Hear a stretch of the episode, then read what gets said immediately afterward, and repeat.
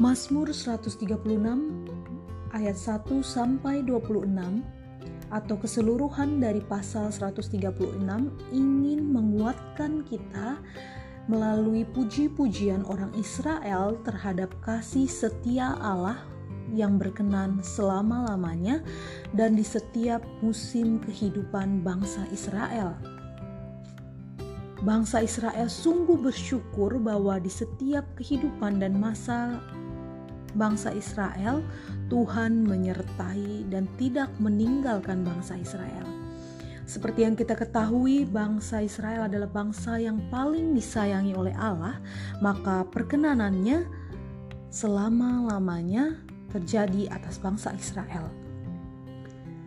Sebagai wujud terima kasih dan rasa syukur bangsa Israel, mereka menuliskan Mazmur ini ada yang bersyukur atas alam semesta yang Tuhan boleh berikan kepada mereka seperti halnya di Mazmur 136 ayatnya yang ke-8 sampai ke-9 matahari untuk menguasai siang bahwasannya untuk selama-lamanya kasih setianya.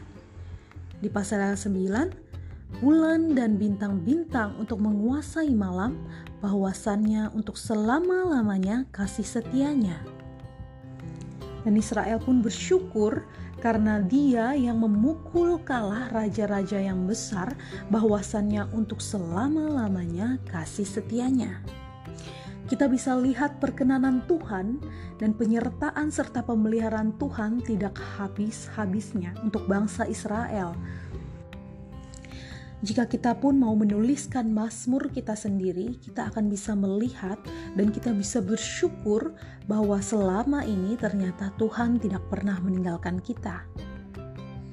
Mulai dari hal-hal terkecil pun di dalam kehidupan kita, Tuhan tetap menyertai kita. Dia yang menuntun langkah kita menuju kehidupan yang abadi bersamanya. Sehingga kita patut bersyukur karena bahwasannya untuk selama-lamanya kasih setianya. Jangan pernah merasa sendirian. Jangan pernah merasa hidupmu ditinggalkan oleh Tuhan, karena sebenarnya lewat ayat ini pun kita dapat diteguhkan kembali bahwa selama-lamanya tidak pernah ditinggalkannya kita dan perkenanannya selalu di setiap musim kehidupan kita.